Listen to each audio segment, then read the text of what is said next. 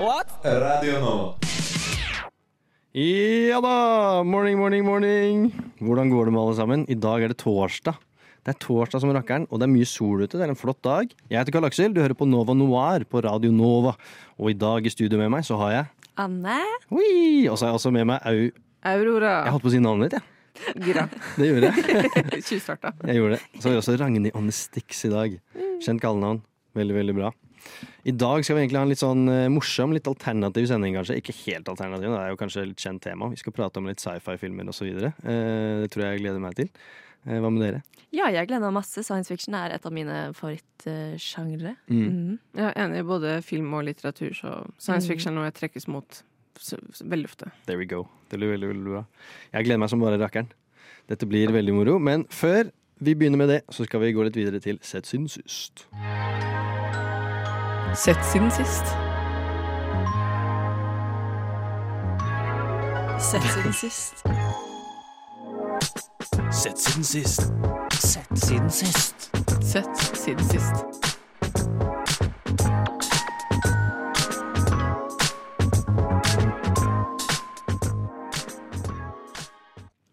All right, all right. Da skal vi snakke litt om Sett siden sist. Hva har dere sett siden sist? Vi kan begynne med deg, Anne. Jeg har sett eh, bryllupsepisoden til Courtney Kardashian og Travis Barker på Disney Plus. Wow.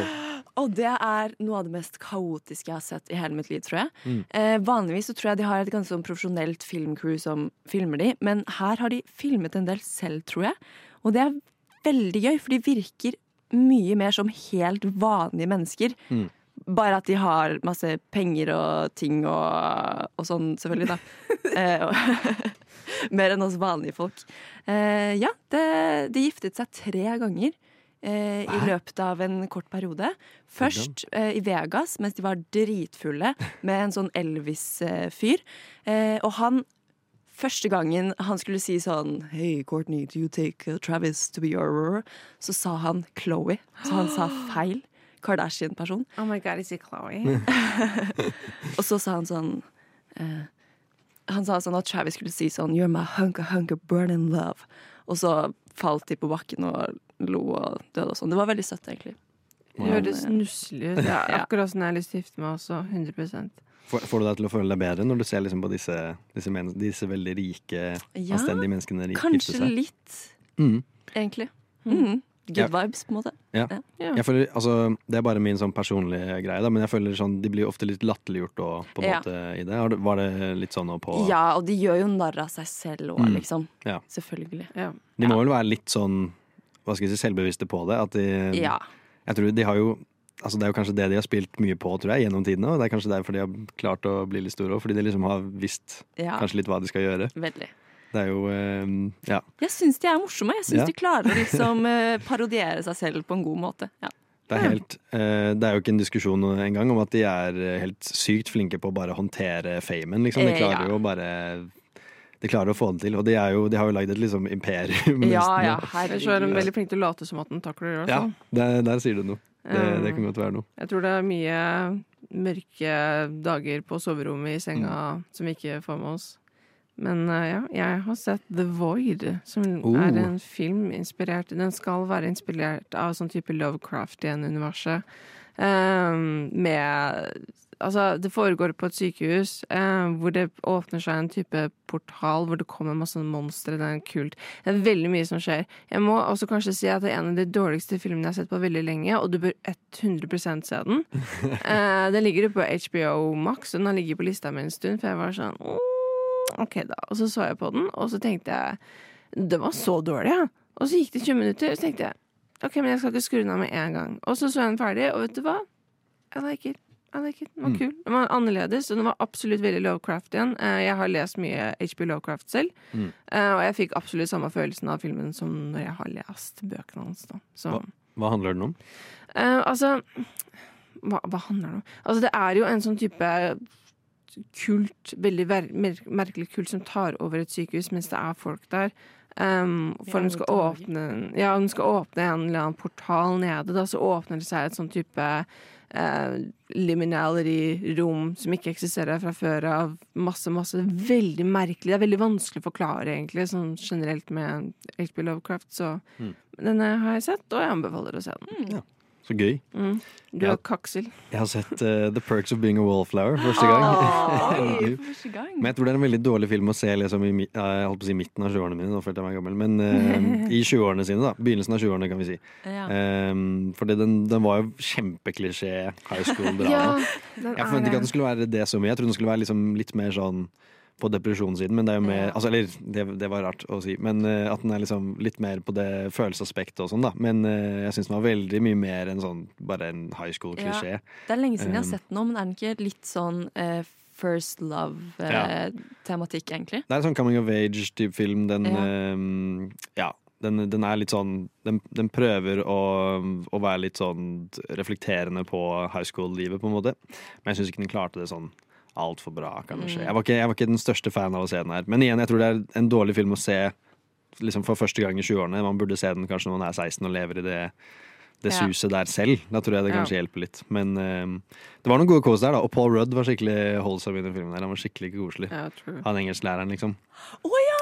Ja. Han hadde helt glemt at var med i den filmen. Ja, han, Ja. han har en eller annen quote sånn uh, uh, We go for the love we think we deserve, eller et eller annet sånt. Oh. Det, en, det var, jeg bare wow, Uff, det var en bra quote. deep. Ja. Ja. bra quote. Jeg syns den, syns den får til den der litt sånn cringy, angsty high school-greia noen steder. Mm. Um, på de stedene man kanskje ikke forventer, sånn som når han på en måte er bare sånn 'Dem er den peneste jenta her i rommet?' Og så sier han jo ikke kjæresten sin, et eller annet sånn greier. Uh, og jeg blir sånn der, Det der tror jeg mange kan relatere seg til. Man er sånn småklein og bare hvorfor, 'Hvorfor sa jeg det?' Så bare, ja, men Jeg svarte jo bare ærlig. Så bare, ja, men det er ikke det du skulle svart. Mm. Um, så ja, nei. Det, det er en søt film. Ja, veldig. Jeg syns den var eh, helt ålreit, egentlig. Altså, det var veldig mange, det var veldig mange aspekter med det som jeg var- syns var litt sånn kule òg. Jeg likte veldig godt de bilscenene hvor liksom Emma Watson og sånn eh, står ute med, oi, står ute med mm, hendene i sprik og alt mulig. Det var veldig, det var veldig wholesome. Og så syns jeg Ezra Miller var litt kul, men også litt sånn cringy i veldig mange av de scenene der. Så jeg vet ikke hva jeg skal tenke om det. Og så er han vel cancelled. ja. Ja, jeg tror, jeg Litt tror faktisk det er ikke-binære. Ja. Jeg tror de er ikke-binære. ja, det er de. Mm. okay. Det er sant. Men eh, de er i hvert fall eh, blitt cancelled for Hva var det? Kidnapping? Eh, kidnapping og grooming Nei. ja, ja, ja. Oh masse, masse eh, opplegg. Peace disturbance, masse vold-greier. Så jeg, håper det, jeg håper de får hjelp, altså, for jeg Ja. tror ikke de har det bra. Absolutt. Nei, det høres riktig ut. Uff a meg. Uffa meg. Du lytter til Nova Når. Riktig, riktig. Ok. Eh, da beveger vi oss litt videre, vi egentlig. Vi skal gå litt inn på tema nå. Eh, vi skal nå snakke om eh, litt av filmene vi skulle eh, egentlig prate om i dag, og litt sånn tema generelt. Vi valgte jo egentlig et litt sånn eh, hva skal jeg si, alternativ til en nisje sci-fi-tema i dag. Kanskje Ja. litt dystopisk til og med, litt blanda inni der. Ja. Eh, det får være lov, det. Jeg syns det er litt spennende. Ja, egentlig. Det er jo litt sånn Sci-fi blir ofte definert som eh, ja, altså Når jeg tenker sci-fi, så tenker jeg med en gang Star Wars. Det er jo liksom Ja, Ja. det som går inn i det. Blasting av eh, aliens og bare ja nettopp. Ja. Vold og krig og invasjon og Mm. Veldig romantisering av alt av våpen og alt mulig. Det er liksom sånn der, det er science fiction. Men jeg føler vi har vært oppe i godt og blanda posen og funnet noen bra filmer. Ja, ikke sant? Mm. Nei, jeg jeg er enig der. Jeg syns vi har fått en god, en god miks her. Eh, absolutt veldig mange Altså egentlig overraskende mange filmer vi kunne prate om her. Jeg syns Ja. det var Ja. veldig mange forskjellige bra. Men vi kommer på en liten miks her. Eh, vi kan jo nevne filmene. En av de er jo uh, The Lobster. Eh, den skal uh, vi prate litt om nå straks. Og så har vi også Another Earth eh, med Britt Marling. Det er vel en film du eh, anbefalte, Ja, Anne? en av mine favorittfilmer. Uh, det er spennende. Det er alltid spennende å ha favorittfilmene dine her. Det er veldig gøy.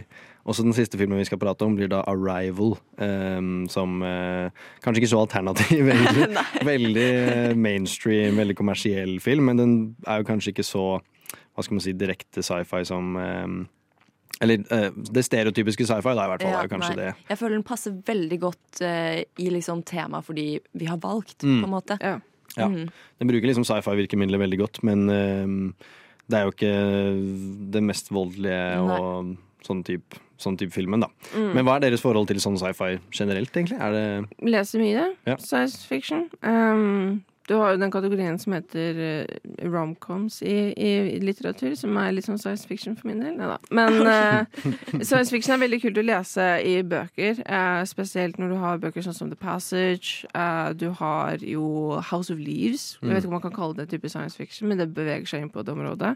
Når det kommer til film, eh, så er jeg veldig veldig glad i sci-fi selv, men jeg er veldig også aktiv kritiker av, av eh, sjangeren, fordi det, det er mye kritikkverdig, spesielt med Alien-filmene, men uh, veldig engasjerende tema for min del.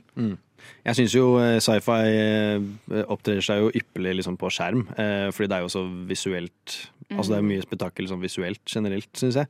Eh, så det som et film Eller å, å uttrykke det som via film, da syns jeg er en veldig effektiv måte å gjøre det på. Bare fordi det er så, det er så svært veldig ofte. Det er så store universer, og det er liksom Ofte er det jo eh, blanda med verdensrommet og alt, alt dette her. Men eh, vi har jo, altså disse tre filmene er jo kanskje litt mer sånn på jorden, og det er jo litt fint, da, syns Ja. jeg. Det er litt mer sånn ja, på eh, litt, litt nærmere brystet, på en måte. Kanskje ikke så out there. Ja. Det syns jeg er fint. Men hva er ditt forhold til Mm, sci-fi, Anne? Mitt forhold til sci-fi er at eh, jeg likte det ikke egentlig så godt før, men det Mm. var litt sånn fordi jeg trodde det var veldig sånn nerdegreie. Litt på grunn av sånn Star Wars Ja. og alt det greiene der. Men eh, nå studerer jeg manus, for eksempel, og så har jeg egentlig innsett at science fiction er et veldig godt, en veldig god sjanger for å utforske menneskelige forhold Mm. og kjærlighet. Mm. Eh, og ja, jeg tror egentlig at jeg syns alle de tre filmene vi har valgt i dag, eh, gjør det på en veldig god måte, så jeg gleder meg kjempemasse. Ja, jeg tror det blir veldig bra. Ja. Mm. Nei, eh, mitt forhold til, eh, til sci-fi var jo kanskje Altså Star Wars var jo eh, veldig involvert i barndommen min. Nå høres det ut som at det er en gudfar jeg har, sånt, men eh, det, jeg så veldig mye på Star Wars da jeg var liten, i hvert fall. Så det har kanskje vært definisjonen min. Og liksom sånn Doctor Who var kanskje sånn epitome av, av sci-fi for min del. Bare fordi jeg så kjempemye på Doctor Who da jeg var liten. Og jeg elsker Doctor Who fortsatt, men det er jo fortsatt det mest stereotypiske eh, sci-fi ever. Bare sånn alien som overtar jorden. Hver eneste episode av Doctor Who er jo det. Det er bare sånn Det er alien som skal ta over jorden, og vi må redde det, liksom. Vi må redde jorden. Jeg tror kanskje muligens X-Files er enda mer Ja. mainstream science fiction. Er- Så I think you're good. Ja, det er sant. Men eh, ja, nei, det er, eh, det er jo et ganske bredt spekter av, av en sjanger, egentlig. Og så er det jo Kreativiteten må jo virkelig eh, Ja, ja, ja. spilles på her, syns jeg. Det er kanskje det jeg syns er kanskje den største kritikken nå, for det er så mye sånn Det er jo så svære verdener de prøver å bygge, og det går jo ikke alltid Ja. alltid den rette veien, da. Men, Nei. men. Nei, det er eh, en, en slager av en sjanger, kan man si. Du hører på Nova Noir, filmprogrammet på Radio Nova.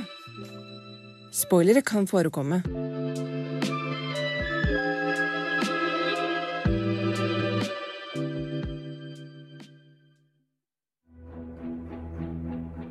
Have you ever been on your own before? No, never. Your last relationship lasted how many years? Around 12. Sexual preference? Women. Is there a bisexual option available? No, sir, this option is no longer available. Hmm. And the dog? My brother, he was here a couple of years ago, but he didn't make it. Did you read the leaflet? Yes, I did. As you understand from your brother's experience, if you fail to fall in love with someone during your stay here, you'll turn into an animal. Now, have you thought of what animal you'd like to be if you end up alone? Yes, a lobster. A lobster is an excellent choice. Ja, ja, tenk på det. Tenk om det hadde vært noen som satt der og bare passa på at du får deg dame eller type, eller hvor enn du svinger hen. Eh, Og hvis du ikke får det til, så trenger du faktisk ikke bekymre deg for noe som helst lenger, for da blir du et dyr av ditt eget valg. Um, Jeg personlig tror jeg hadde foretrukket en edderkopp, for da holder folk seg litt unna. Men eh, ja, hva, hva syns dere om The Lobster? Altså, det her er jo en fyr som eh, kommer til dette hotellet, som heter The Hotel med stor H, så det er jo et riktig hotell, som blir henta ut fra The City. Og de skal jo da bli partnere med noen mennesker som kommer dit, da, som også er, eh, som er single. Og hvis de ikke får til dette, som dere hørte i traileren, så blir de gjort om til et dyr. Men de får velge, da, så det er ikke så synd på dem. Det var snilt. Ja, det var Veldig snilt. medlidenhet. Um, jeg Ja. Jeg tenker jeg skal spørre dere først. Eh, Anne, hva syns du om The Lobster? Ok. Det er jo på en måte Nå vet ikke jeg hva som eh, er offisiell kategori for sånn kunstfilm, men det er litt sånn De snakker et veldig sånn rart språk, og ting går litt sakte. Men samtidig så bare sånn Når jeg kommer litt sånn ordentlig i det, og bare føler at jeg kan sitte der og nyte det litt, så er det sånn dette er jo egentlig en science fiction-komedie. Ja, Sånn, det er ganske morsomt. det er det. Og litt, litt sånn småromantisk uh, også. Mm. Ja, hvis man legger godvilja til. Ja, absolutt. Nei, jeg, jeg likte den veldig godt. Uh, jeg hadde jo aldri sett den før, men jeg er jo en uh, Colin Farrell-stan. Og så mm. uh, liker jeg jo dystopiske filmer. Jeg liker også den type humoren her. Jeg, jeg var faktisk så trodde jeg dette var en eh, Martin McDonagh-film. eh, fordi det, er liksom akkurat samme humor som i Banshees of Inisherin, blant annet. eh, og in Bruges, for den saks skyld. Litt sånn mørk humor. Ehm, det er jo en scene her hvor de liksom eh, Altså, de, de begynner jo filmen med å bare skyte et jævla esel og, dre, og drepe det, liksom. Som er en veldig gøy det Som jeg syns var så jækla moro at de bare de åpner med den. At Null bare, kontekst. ja, man går ut av bilen og bare skyter ett av tre esel. Altså Hun kan ikke vite at det er det riktige eselet engang. Det er bare et tilfeldig esel. Som mest sannsynlig er den eh, da den personen som skjøt dette eselet, bare bestemte seg. Nå er det nok. Nå skal jeg virkelig Altså, eh, litt sånn bare for forklaring, så jo, betyr jo dette at eh, dette eselet var et menneske før. Så det betyr jo at mest sannsynlig hadde de en, en eller annen form for relasjon. Og nå eh, et eller annet bristepunkt eh, kom. Et, tydeligvis en eller annen gang etter at denne, dette mennesket ble til et esel, da. Det er jo litt spennende. Ja. Men, eh, men ja, det er jo noen regler i denne verden som jeg tenkte jeg kunne kanskje gå litt gjennom. For det, det er jo en dystopisk verden eh, eh, hvor alle egentlig må få seg en partner en eller annen gang. Gjennom hele sitt liv. Eh, og alle parene som da er partnere, de bor sammen i The Town, eller i The City, mener jeg. Beklager. Eh, og de har en eller annen eller annet, en eller annen likhet, et uh, trekk av noe slag som skal være likt. Om det er uh, halting, eller om det er neseblod, eller om det er dårlig syn. Uh, veldig kreativt der. Eh, og alle single bor på et eller annet form for hotell, og de får da 45 dager til å finne seg en ny partner. Og når man da får seg en partner, må man bo alene i to uker på et rom, og så to uker på en yacht. Og dette er da for å erklære litt kjærlighet og vise om forholdet kan vare ut den tiden, da. Så veldig, veldig spennende regler så langt. Men eh, de, eh, disse parene, hvis de da krangler mye, så får de også tildelt et barn. Eh, for dette kan jo oppløse mye krangler, eh, egentlig. Som er en veldig, veldig god metafor for det virkelige liv. Eh, jeg tror det er mange foreldre som sikkert har fått en liten sånn CD-realisering når de har sett den filmen her. Og hvis eh, single ikke får seg en partner, vil de da bli forvandlet til et dyr av deres eget valg. Eh, hvilket som helst dyr, fun dyr fungerer. Eh, onanering er ikke tillatt på hotellet, men eh, man må tillate en lapdance av vaskehjelpen. For det er sånn det funker der. Vet ikke helt hvorfor det er en ting, men det får gå. Og så For å få flere dager til å få seg en kjæreste, kan man da velge, på, velge å dra på jakt for å jakte på the loners, som det heter. Og dette er da motstandsbevegelsen eh, mot hele dette systemet. Eh, disse folkene lever i skogen, og de mener at det å være singel er den beste og eneste løsningen. Og at de de danser ofte alene til elektronisk musikk. Ja. Det er også en annen, en annen Det som er litt dumt der, føler jeg, er sånn der også er det, der er det liksom ulovlig å være sammen med noen. Der Mm. er det ulovlig å bli forelsket eller flørte eller noe som helst. Det er liksom ikke noe mellomting. Ingen mellomting. Nei. Det som var litt gøy der òg, var at uh, de øver jo ofte på å dra ned til byen og prøve å være ekte mennesker og prøve å være par. Men det er ikke lov å være par da, i, i skogen, liksom. Men uh, de går jo liksom ned med dress og i, i full schwung, for de går jo ofte med eh, parkar, eller uh, ponchoer, er det vel kanskje. Ja, det er en parkas, liksom. Ja. veldig, veldig kre... Altså, jeg, det, det må ha vært den morsomste filmen å skrive, tror jeg. Ja. Den her. Eh, så den, eh, den er en slager, egentlig. Men eh, ja, hva syns dere generelt om den? Har Jeg likte den ikke. Nei, ok. Vi skal Hva med deg, Anne? Jeg likte den. Ja, Jeg likte den også, så vi skal, vi skal hoppe litt videre, og da skal vi roaste Aurora sin mening.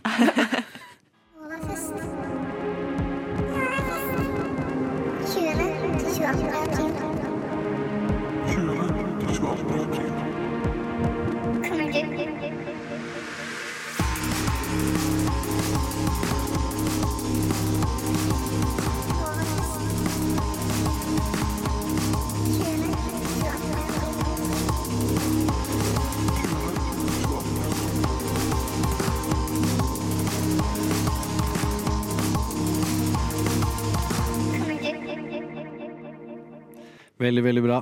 Men eh, noe som ikke er så veldig bra. Aurora, hvorfor liker du ikke The Lobster? Jeg syns den er pretensiøs. Eh, jeg vet ikke hvor annen måte jeg skal si det på, men det er liksom når det starter med sånn der type I went to the hotel once. Den der voiceoveren Ja, ja. som går gjennom hele filmen, er så slitsom Ja. å høre på. Og den er liksom så, den er så påtatt. Jeg syns det er så mye som er så påtatt, og det er så mye som skjer. Mm. Og den tar det ikke opp igjen etterpå, og det bare lar det gå. Jeg blir sånn You're trying so hard. Um, men, men det var jo en par scener som jeg faktisk syntes var veldig bra. Sånn som het helt, helt på starten, før filmen begynte, syns jeg var spesifikt bra. Um, men, men når man sitter i den lobbyen og skal fylle ut den der personlighetsskjemaet sitt, på en måte, Mm. og så sier hun liksom sånn um, Are you heterosexual or homosexual? Og han bare mm, Jeg hadde jo én gay experience der på college. og så sitter han liksom og tenker litt, og så hører du et par med høye hæler i bakgrunnen, og så ser du at han ser litt, og så bare jeg tror du kan skrive meg som heteroseksuell. Liksom. Mm. Jeg bare, Den var veldig morsom. Mm. Den var veldig gøy. Og når han sparker hun lille drittungen i leggen, syns jeg også var veldig morsomt. Ja. Da lo jeg høyt og lenge. Helt enig. Men utenom det, eh, jeg syns det var en film jeg led meg litt gjennom sånn. Jeg dønna. Ja, jeg musikken var jævla slitsom òg. Jeg, eh, altså, den filmen her spiller jo veldig på at den er veldig tonedøv. og sånn, altså Stemninga er veldig nedstemt. Det er jo ikke noe eh, det er jo ikke noe høydemoment her, på en måte. Annet, altså, kanskje litt med noen stabbinger her og der, på en måte, men uh, annet enn det, så måten de prater på, i hvert fall, er jo helt monotont sånn her gjennom hele filmen. Det er liksom ikke noe mye mer enn det. Så når det først skjer noen morsomme ting som liksom går litt ut av den Ja. formen, eller malen, så syns jeg det blir veldig gøy. Sånn som den når hun ble sparka, for eksempel, eller uh, Ja. Uh, Det var jo en, en For eksempel når Det er også veldig mye direktehumor i den filmen. Ja. Sånn kjempemye sånn derre de, altså, de, de tar jo veldig dette med å danne seg forhold og relasjoner til liksom, nye partnere og sånn, så sykt på spissen. Altså, alle som er der inne, er jo kjempedesperate, for de vil jo ikke bli et dyr. De vil jo ha en partner. Så hun ene dama, som, hun Biscuit-dama, som eh, var veldig gira på David, da, altså karakteren til Colin Farrell, som er sånn mens de sitter på eh, vei ut mot Jeg vet ikke om det var golf Nei, det var mot eh, De skulle ut på jakt, var det vel. Mm. Så er det sånn eh, du, kan, du kan pule meg i rumpa, på en måte. Det, det går fint. Eh, eksen min sa jeg var veldig flink på det, og var sånn veldig grovt seksuell. Bare for Altså, det er last resort, på en måte. Sånn, alle midler må brukes. Jeg syns det var veldig gøy. Og det, er, det tar liksom vekk fra Eller det går liksom vekk fra alt den andre av de formatene de har i filmen, som bare er sånn stille og ja, Jeg holdt på å si uskyldig, men det er det jo ikke. Altså mørkt og stille, Ja. på en måte. Jeg syns humoren er veldig, veldig bra. Mm. Det, men ehm, jeg syns også det var veldig mye sånn eh, andre morsomme greier, som ehm, eh, De bruker for eksempel hun som var veldig hjerteløs. Som eh, da David bestemmer seg plutselig for at han vil eh, prøve seg på og liksom bli sammen med. Hvis dere husker ja. Hun Eh, psykopaten, ja, ja. mener du? Ja. Stemmer. Mm. Og så var jo Hun tok og spilte en prøve på han i jacuzzi ved å spise en oliven og choke på den. Og så han visste jo at dette var en greie, så han sitter jo bare stille og, og på en måte ser på at hun choker. Jeg bryr meg ikke, jeg har ingen følelser eller Ja, ja. empati. Jeg skal bare la deg dø ved siden av meg. Det er så rart. Han var sånn hm, I could be a psychopath. Jeg kan prøve det, liksom. Ja. Hvis jeg får meg kjæreste. Mm. Ja. Jeg tror han lærte litt av han John, han som uh, brakk nesen sin med vilje for å, Ja. for å blø litt. Bare for å kunne bli sammen med hun eh, andre jenta som også, um, som også uh, blødde fra nesa. Veldig sterkt, det der. Men også, uh, det gikk jo videre til Nå blir det en liten spoiler, da. Men han har jo med seg broren sin, som er en hund. Um, som er veldig present i veldig mange scener, dessverre. For det er jo en scene hvor han blir grindet på og sånn, og hunden bare sitter og ser på. Ja. Kjemperart. Veldig Det er jo broren, liksom. Ja. Men eh, sånn er det, I guess. Eh, det får bare være sånn. Men eh, det var veldig gøy den scenen hvor hun også bare dreper hunden hans. Eh, Ja. Også da Ja. broren. For å, og jeg tror det også er liksom den ultimate testen Ja. for å se om han er hjerteløs eller Mhm. ikke. Men det takler han jo selvfølgelig ikke. Da. Nei, da gråter han, og da innser hun at han var ikke en psykopat likevel, han bare løy, og Ja. da har vi ikke noe til felles lenger. Nei. Så ja. Ja, og da er ekteskapet deres basert på en løgn også. Så Ja. hun, Mm. prøver å ta han, hun prøver å ta han med til hotellsjefen, Ja. men så ender det opp med at jeg bare drar den spoileren videre. Ja, han, ender opp med at han drar med henne opp i, på loftet et eller annet sted, og så gjør hun om til et dyr, og så nekter Ja. han å si hvilket dyr det er. Mm. Eh, han sier et eller annet sånn 'That's none of your business', et eller annet. Ja. Um, så det var sånn Det, det er nesten sånn Quentin Tarantino, West Anderson-type stil på filmen. Mm. Men kanskje jeg ikke liker den fordi jeg ikke skjønner humoren. Jeg vet ikke. Eh, Det var ikke så mye jeg lo av, egentlig. Kanskje. Mm. Jeg, jeg syns også den, eh, den er jo litt sånn søt. Eh, Det er jo visse typer ting som er litt søte med den, selv om den er så mørk. Det er sånn Det siste forholdet de danner seg, er jo veldig Det er litt koselig, på en måte. Ja. Jeg syns det, det blir det. Men, men ja, vi kan vel egentlig prate om det nå straks. Alle tre, og bare What the fuck? Har du sett Parasite? Ja. Har du sett Parasite? Du vet når hun gjør den der, den der huskeringen sin? Å, shit, shit. N- Nova Noir.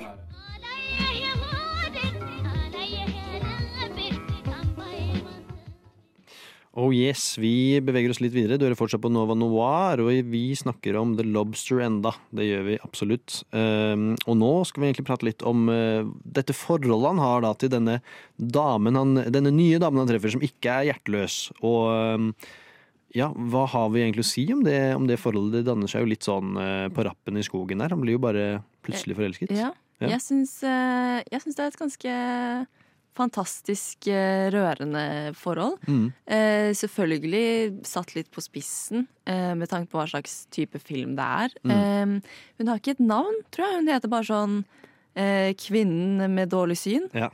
Eh, ja, og han har også dårlig syn, så da er de en perfekt match, selvfølgelig. Ja. Og så lager de et lite hemmelig språk med hverandre, ikke sant? for det er ulovlig. Og, så det er forbudt kjærlighet og full pakke for min del. Ja.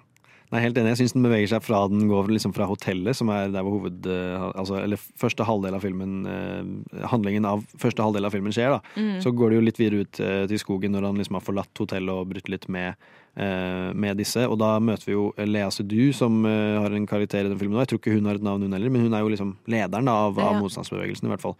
Og hun mener jo at det ikke er tillatt med forhold i det hele tatt, så de må jo da danne et forhold i skjul. Ehm, og da Litt senere i filmen nå, så da de er nede i byen, er det ikke det? På vei hjem fra jeg, Nå husker jeg ikke helt, nå er ting litt sånn i surr for meg, men i hvert fall uh, hun eh, short-sided woman, hun, hun blir jo blind. Ja. Uh, De gjør hun oh. blind i byen, eller et eller annet sånt. Ja, ikke sant? Fordi hun der lederen, hun finner ut Ja. OK, jo. Uh, hun, det er en sånn voiceover i den filmen Ja. her. Eh, og så finner vi ut at dette er egentlig bare noe hun eh, short-sighted eh, dama har skrevet i dagboken sin. Og så blir den dagboken eh, Den blir funnet, oppdaget, eh, og som straff eh, så tar hun lederen henne med til byen Ja. og sier at hun skal fikse synet hennes, men istedenfor så gjør hun henne blind. Mm. Veldig slemt. Mm. Veldig god eh, sabotering, egentlig. Også, Ja, for at, skikkelig god eh, sabotasje. Herregud. Det, er, det skal jeg begynne å gjøre. Gjøre fiendene mine blinde.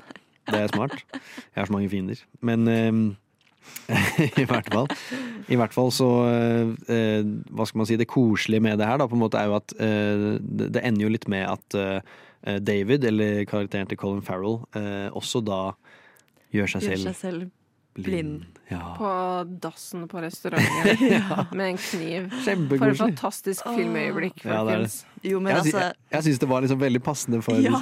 resten av filmen. Og jeg ble skikkelig Jeg ble liksom Jeg vil ikke si ikke rørt, men sånn Å, å, å det er blinde sammen, liksom. Jeg er også veldig veldig koselig. dama mi. Ja. Det er veldig hyggelig. Men en annen litt sånn side, sidegig man, tenker- man kan tenke på her, er at um, dyr er- Altså, de må jo Hva skal man si Jeg vet ikke, I denne alternative verden så kan det hende at dyr ikke da ehm, har samleie, men eh, det vet man jo ikke siden dyr bare kommer fra menneskene. Men dyr har vel også forhold i Ja. vår verden, holdt jeg på å si. da ja. så man kan, Det kan jo tenkes at når man blir et dyr, så har man jo også mulighet til å Du blir fri, rett og Kanskje slett. man Man- egentlig har mye større frihet, så er man ferdig med alt det der mennesketullet. Det Og så kan man bare leve fritt og vanlig. Ja. Ja. Det irriterte meg veldig at de hadde bare homofile og heteroseksuelle som alternativer. For han Ja. spør jo kan jeg ha bifil, og hun bare nei. jeg bare OK. Rude. Det var vel kanskje Altså, de prøver jo å være veldig sånn rigide og sånn Altså, det skal jo være så harde rammer, på en måte, og det Ja. Det er en veldig god Jeg syns det var en veldig god kritikk liksom, av det moderne ekteskapet, og liksom, hvordan det, er- fungerer ja, og sånn. Det er litt satire, Ja. tror jeg. Eh, Absolutt. Det er Mm. kjempesatire. mm. Og det, det er jo Hva skal man si? Du merker det jo veldig, for at det er ting som virker fullstendig absurd for oss, tar dem veldig dønn seriøst, og det er jo sånn veldig typisk sånn satiregreie. Mm. Um, men den er absolutt veldig dystopisk også, for du, du ser ikke så veldig lyst på framtida deres. Ja, Nei. Det er sant. Det blir det blir veldig spennende å se hva de gjør videre. Da. Nå, har de liksom, nå er de et par i byen, altså i The City, men de er begge blinde. Hvordan skal dette gå? Det kan ikke bevege seg videre. Mm. Kanskje, jeg vet ikke. Nå er jo det hotellet Altså, det er litt gøy, da, fordi de satte jo liksom opp at veldig mange av de andre forholdene også blir ødelagt. Sånn som John, han som eh, gjorde seg selv eh, til å begynne å bli neseblod. Han, eh, mest sannsynlig så går jo det forholdet i oppløsning. Ja. Og um, forholdet til hun hotelldirektøren, som er spilt av Oliver Colman også, er jo uh, kanskje litt i oppløsning nå, fordi de uh, brøt seg inn på hotellrommet deres og sa til mannen uh, hennes at hvis han skulle leve, så måtte han drepe kona si. Men så var det jo Det var ikke noe kulere i episoden, så da, da ble hun jo ikke drept, da. Det også var litt sånn uh, sånn der aha, fooled you-scene. Mm. For han sitter i senga og sånn sånn småfeit og bare OK, skal vi se her. Ikke sant? Bare klikk. Og den var tom, ja. Fint, det. Ja. Nei, jeg syns den var bra, for det, det setter jo liksom litt opp til at uh, Altså, hvor går man videre fra det forholdet der? Sånn, Ja. Du kan jo ikke Mannen din prøvde nettopp å drepe deg for å redde seg selv. Det er sånn, OK. Ja, de har en liten fasade som de må opprettholde, tror jeg. Ja. Jeg tror kanskje hvis partneren min hadde prøvd å drepe meg, så hadde jeg fått det ikk litt. Grann. Ja, bitt litt. Litt sånn der mm. Jeg tror ikke det er så koselig på frokosten dagen etter liksom. Nei, Det, det kan godt hende. Det kan bli litt, litt grann kleint. Nei, men det er litt, litt blandede meninger på den filmen her, i hvert fall. Det, det kan man jo si. Det er jo en litt sånn, jeg vil si det er en veldig nedstemt film. Eh, den er jo veldig sånn, og den er veldig, den er treig. Den er slow burn. Ja, den er treig. Og så er det litt sånn, siden de har litt avstand fra Jeg vet ikke, Man får litt avstand fra en film når de på en måte har det litt sånn pyntede, rare språket og sånn. Mm. Så den når kanskje ikke sånn helt inn til følelsene alltid. Ja. Eh, Det er kanskje det jeg har å s- på en måte ta den på, men ellers Ja. så syns jeg den er ganske bra. Jeg har, jeg har sett en eh, film som heter 'Mannen uten minne', som er av Aki Karismaki. Som også um, Jeg håper jeg sier det navnet riktig, men i hvert fall så den også har bare sånn ikke noe følelsesaspekter i det hele tatt. Sånn, ingen karakterer viser følelser i det hele tatt. Ja. Det er veldig sånn bare Alt som skjer, er bare sånn 'Å ja, det skjedde'. Ok. Og det er veldig sånn Det er så, det er så rart eh, filmformat, egentlig. Men jeg synes det, altså både i 'Mannen uten minne' og i den her, syns jeg det fungerer skikkelig bra, egentlig. Jeg synes det var det var, altså, I hvert fall det med eh, 'Mannen uten minne' har også litt sånn Altså Det blir liksom litt eh, humor inni det ved at de har liksom ingen reaksjoner til noe i det hele tatt. Og det syns jeg det er litt gøy, da. Ja. Eh, men det er jo den deadpan-opplegget, sånn som han Buster Keaton, han Ja. fotografen, holdt på med den han, eh, fyren med de bildene og sånt. Det, det er jo blitt et humormoment. Ja, ikke sant. Nei, men i hvert fall litt, litt blandede meninger på The Lobster, men det går fint. Du Du Du hø hø hører på, på Radio Nova. In the grand history of the cosmos, more than 13,000 million years old, our Earth is replicated elsewhere. There's another you out there. Now you begin to wonder, the other me made the same mistakes I've made. And is that me better than this me? A story. It's about a girl. She does something unforgivable.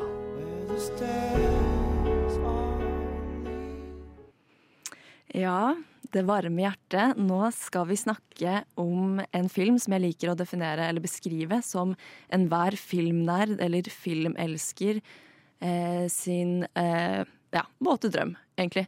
Eh, dette er en eh, indiefilm fra 2011. Lavbudsjettsfilm, grainy og god, eh, som klarer å kombinere den dramatiske indie-stemningen med science fiction-sjangeren. Og så, ja, man kan vel kanskje definere det som en liten sånn redemption story også. Og denne filmen heter Another Earth. Yeah, veldig bra. Hva syns vi om den her, da? Dere, det er jo Den likte jeg kjempegodt. Ja. litt, litt bedre stemning der. Ja. Ja, det er fint. Og det er vel din, en av dine favorittfilmer? Dette er en av mine favorittfilmer. Oh, det er gærent. Mm. Det er Psycho. Eller ikke Psycho. Det var ikke Så jeg har jo hørt, jeg har fått høre fra Aurora at hun liker den. Jeg ble Mm. kjempeglad. Hun sendte sånn melding sånn ah, 'Herregud, dette er kanskje en ny favorittfilm'. Ja, det var sånn livekommentering. Jeg var sånn der, jeg satt, eh, jeg satt og så på filmen, så var jeg sånn der, Å, du dagger, den her var bra, altså. Ja. Så jeg fikk en helt annen følelse når jeg så på The Loaster. Eh, men jeg likte Another Earth veldig, veldig, veldig, veldig, veldig godt. Mm. Men godt jeg har. Ikke fått høre hva Kaksel syns. Vi kan jo, jeg jeg syns vi kan gå litt gjennom handlingen Ja, først, vi kan kanskje. gjøre det først. Ja. Det, så kan vi ta litt meninger etterpå. Du holder spenningen. vi holder spenningen i live. Men eh, ja, eh, vil du kanskje gå gjennom handlingen av det? Siden, eh, Ja, eh, det kan jeg gjøre. Eh, vi, helt på starten av filmen så åpner vi til en slags sånn festscene med en jente som liksom hopper og danser litt, og hun er bruset. Og så setter hun seg inn i bilen og kjører hjem. Eh, og her får vi høre over radioen at, eh, at det er noen som sier at plutselig så har det dukket opp en planet. Som vi kan se, en helt ny planet. Eh, Mm. Som ser veldig ut som vår egen planet. Eh, så titter hun ut eh, av bilvinduet sitt, eh, og mens hun da er, ser på denne planeten, så er hun helt fiksert, og så ser hun ikke hvor hun kjører, og så eh, kjører hun inn i en annen bil der det sitter en familie, eh, og så eh, Det er et lite barn der, Mm. fem år gammelt. Han dør, moren dør. Eh, og så eh, faren i familien er den eneste som overlever. Han eh, ligger i koma i et par år. Og så, eh, ja, filmen handler egentlig om at hun kommer ut fra ungdomsfengsel noen år senere. Eh, han faren våkner opp fra koma, eh, og så eh, drar hun egentlig for å si unnskyld til han. Men så, eh, så klarer hun ikke å stå i det, så hun lyver og sier at hun kommer fra et vaskefirma. Og så Mm. begynner hun å vaske hos han mannen og prøver å gjøre livet hans litt bedre. Mm. Ja. Wow. Wow. Det er, altså, jeg, det er fantastisk, fantastisk plott. Mm. Eh, mm. Ja. Nei, jeg, jeg syns det var veldig Det var veldig sånn eh, Hva skal man si nytenkende, holdt jeg på å si. Altså, eller i hvert Ja. fall Jeg syns den var veldig kreativt skrevet, da. Eh, det som kanskje ikke satt sånn veldig hos meg, var eh, Altså, hun dreper jo kona og barnet hans. altså en veldig sånn Altså, han, han vet jo ikke at det er hun som har, har drept Nei, nei, eh, nei. kona og barna heller. Ja. Eh, men eh, de begynner jo liksom å, å flørte litt, og det er litt sånn Ja. Og hun er jo mest sannsynlig ganske ung, så han nettopp kommet ut fra 20 eller noe sånt, tror jeg. ja, liksom, Og han er jo sikkert godt opp i 40-50-åra, på en måte. Og så begynner det liksom å danne litt sånn romantisk forhold. Og det bare Det satt veldig sånn Jeg satt, var sånn oh, OK, ja. Okay. Ja, jeg, si, jeg tror kanskje karakteren hennes skal være sånn 24 der, okay, eller noe sånt. ja. Bare så det er sagt. Ja, for det var litt sånn, Hun var jo juven, men det var jo kanskje en uh, god Ja, del år Istedenfor å ta en eh, college degree, så er hun i fengsel i fire år, liksom. stemmer. Ja. Ja, det er jo en vanskelig, vanskelig, vanskelig tid. Det som også skjer, er at veldig mange av vennene hennes og familien som beveger seg jo videre rundt Ja. henne, på en måte. Så hun eh, Når hun da kommer ut, så blir jo hun møtt hele tiden med at folk er sånn ah, 'Hva gjør du nå?' Så er sånn eh, sitter inne en stund, da'. Det, ja, nå er jeg Jobber som vaktmester Ja. på en og det er så, videregående jeg syns det er så teit òg at det Ikke bare sånn diss den filmen, men sånn generelt. At liksom vaktmester og sånn blir sett på som en dårlig Ja. jobb. Sånn Man trenger det som bare faen. Og det er, Ja. Jeg har alltid syntes det, det er en fristende jobb, egentlig.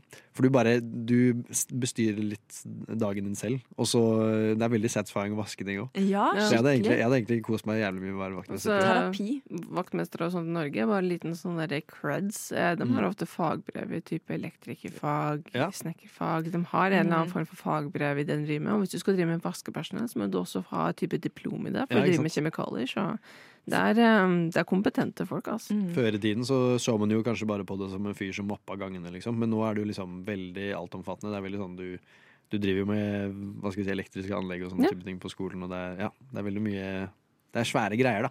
Ja. Så det er, eh, det er en god jobb å være vaktmester. Absolutt. Det er veldig bra. Nei, men nydelig. En radio. Ett program. En redaksjon. For filmelskere. Nova Noir. På radio Nova. Woo! Hell yeah, det stemmer. Vi snakker fortsatt om- Another Earth, eh, filmen med Britt Marling i hovedrollen.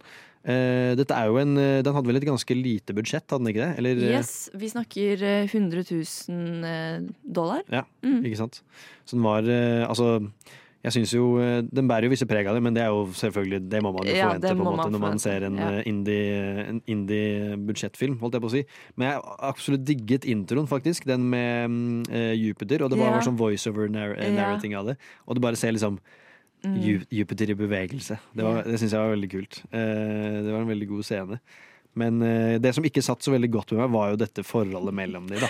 Jeg syns det bare var så uh, Det var så rart. Altså, Jeg skjønner hva du mener. hun har jo, altså, hun har jo nettopp Ikke nettopp, da, men hun har sittet inne Ja. for å, eh, å ha eh, det, er jo, det blir vel vehicle manslaughter, eller hva man kaller det. Eh, drept eh, kona og barna hans, og Ja. så kommer hun hjem til han for å eh, Altså Sikkert fordi hun har dårlig samvittighet og sånn, og det, Ja. det skjønner jeg veldig godt. Og, og liksom prøver å fikse opp i ting. Og da har man jo lyst til å Altså, Ja. man, jeg liker også veldig godt det med at eh, hun liksom drar hjem til han for å prøve å rydde opp i Altså Hun har den skyldfølelsen og må liksom rydde opp for han, på en måte. Mm. Eh, som det kan jo være en metafor sånn. Hun gjør det jo Ja. liksom fysisk og mentalt, I guess. Men Ja. eh, hun gjør jo det faktisk, for han blir jo mye mer sunn. Ja. Og som du sa, Aurora, i stad, så ble, ble han jo litt mer kjekkere òg, når han eh, Du sa det!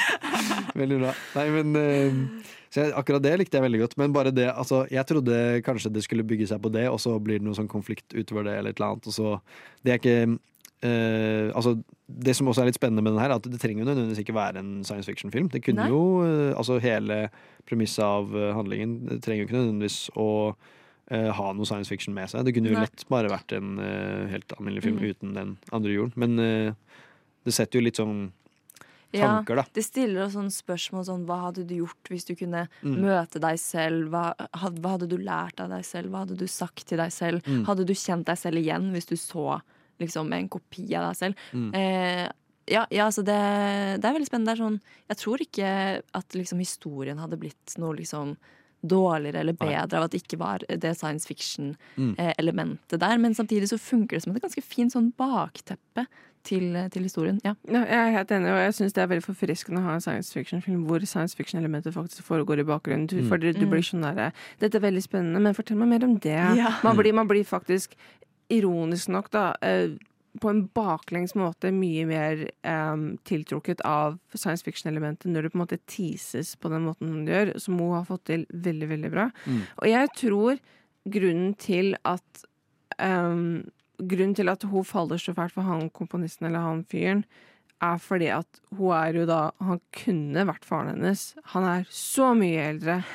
Hun Jeg tror hun har et håp eller en eller annen litt sånn Kanskje kall det litt naivitet om at kanskje det går bra, kanskje det går fint. Og så i tillegg så har hun jo fått brev her nå om at hun kan reise. Mm. Sånn at eh, det, det er litt sånn jeg, jeg får ikke inntrykk av at hun har sånn Og jeg kan bare fucke det til, så kan jeg liksom do this, og så stikker hun, på en måte. Men, men eh, jeg tror Jeg føler at hun blir litt overraska over dette romanseelementet i seg i, også. Og så blir hun litt sånn Men vent litt, kan, kanskje det går. Ja. Og det, det, gjør, det gjør jo ikke det. Det er litt den der sånn to skadede mennesker som finner hverandre. Og, Mm. ja. Det, du sier noe der. Men jeg syns også bare det med altså da han, eh, han, prøv, han blir jo mye bedre. Han blir jo mye syndere av at hun er der og hjelper ham, på en måte Så hun, hun forbedrer jo faktisk livet hans.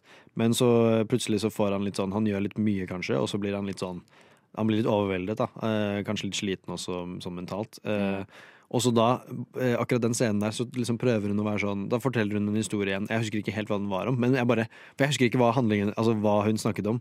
Fordi hun var så Altså, det var liksom så flørtende stemning, syns jeg. Jeg bare synes det var sånn hvor, skal det, hvor går det videre her, på en måte? For da hadde jeg ikke innsett at liksom, kanskje det var noe romantisk der i det hele tatt. Jeg trodde kanskje bare de spilte litt på det, at de dannet seg liksom et vennskapelig forhold, Ja. altså noe platonisk, at det liksom skulle gå noe videre der. Men det ble jo liksom Det ble skikkelig flørtende sånn, bare on the spot der. Jeg var sånn OK, spennende, liksom. Men, men det du sier, Aurora, med naiviteten, syns jeg er veldig riktig òg, for jeg tror jo sånn eh, Altså, en eller annen gang måtte du ha prata om at hvem hun er. Sånn, Det er en Ja, elefant i rommet. det er absolutt. Og det er, jeg har drept kona og barnet ditt, liksom. Så kort innpå, men uansett hvilken film vil du se på? Ja, ja. Kan vi ta det etter, etterpå? Jeg er litt, eh, litt busy Ja. nå. Nei, Og så, men- det, det er jo en ting sånn Den derre age-gap er jo noe som har vært veldig mye diskutert i media, og eh, spesielt i det siste, men trenger ikke å gå inn på det. Um, det jeg føler folk glemmer litt, er at hvis du ser det ovenfra og ned, hva er det hun har å tilby han? Mm. At all. Han er professor ved Yale University. Han er en veldig, veldig dekorert musiker og sånne greier. Hva er det hun har å tilby han? Hun tror hun har noe å tilby han, sånn type 'det her kan vi bli i forhold', på en måte. Mens når du ser det fra den andre veien, fra hans perspektiv til henne, på en måte, hva er det han ser i henne, på en måte, så, så er jeg mye mer enig med Karl Aksel at det er litt sånn, det er litt guffent. Ja. Hva er det han vil ha fra henne, egentlig? Jeg, jeg, for, for min del, bare med det, var bare at det var litt sånn Jeg bare klarte liksom ikke å slutte å tenke på det. Sånn at uh, I hvert fall det med at uh, hennes motiv da, for å liksom flørte med han, eller hva det skulle være, eller uh, gå videre med noe romantisk sånn Hvordan kan det gå, på en måte? Det var Mm. bare, det var bare en sånn baktanke jeg hadde hele tiden. Ja. OK. Yes, nei, da. Okay. Okay. Nå skal dere høre. Uh, ja, nei, altså, jeg ja, men, ok, men det er det jeg syns er fint med filmer. Mm. Ofte de jeg liker best også, er de jeg kan liksom Ja, har eh, kritikk å komme med Mm. eh, på også. Eh, jeg tenker For min del så er det ikke liksom egentlig det romantiske aspektet som jeg syns er liksom det verste. Jeg tenker nesten egentlig at eh, Jeg vet ikke at de får en ganske sånn dyp eh, connection. Mm. Eh, og at det er et eller annet sånn sjelelig at de kanskje hører sammen litt. Og så syns jeg eh, kanskje egentlig at eh, historien blir bare enda bedre fordi det blir vondere Mm. og verre og Mm. mer sånn pinende å se på, liksom. Fordi, fordi man vet at hun har denne mørke, forferdelige hemmeligheten. Mm. Og så blir det enda verre når man innser at liksom det er hun som har gjort livet hans bedre. Eller sånn. han, han sier Ja. det sånn OK, fordi, ok, nå må vi forklare litt. Hun, hun, skriver en, hun skriver et essay i en sånn konkurranse for å dra til Another Earth, liksom, sånn at hun kan på en måte ja, dra til den andre planeten, basically. Mm. Og så ber han henne om å ikke gjøre det, og så Mm. sier han sånn I feel like we've really got something here. Mm. This could really be something. Og du sitter der og bare Å nei!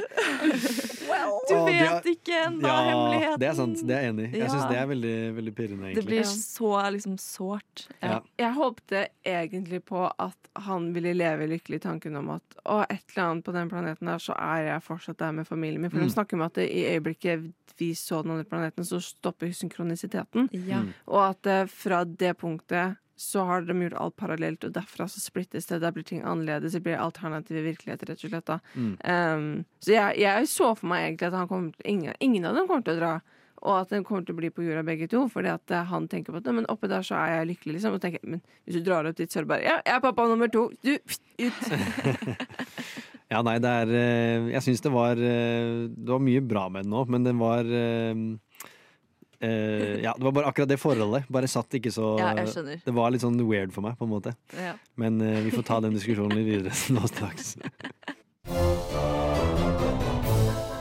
Nova Noir. Nova Noir.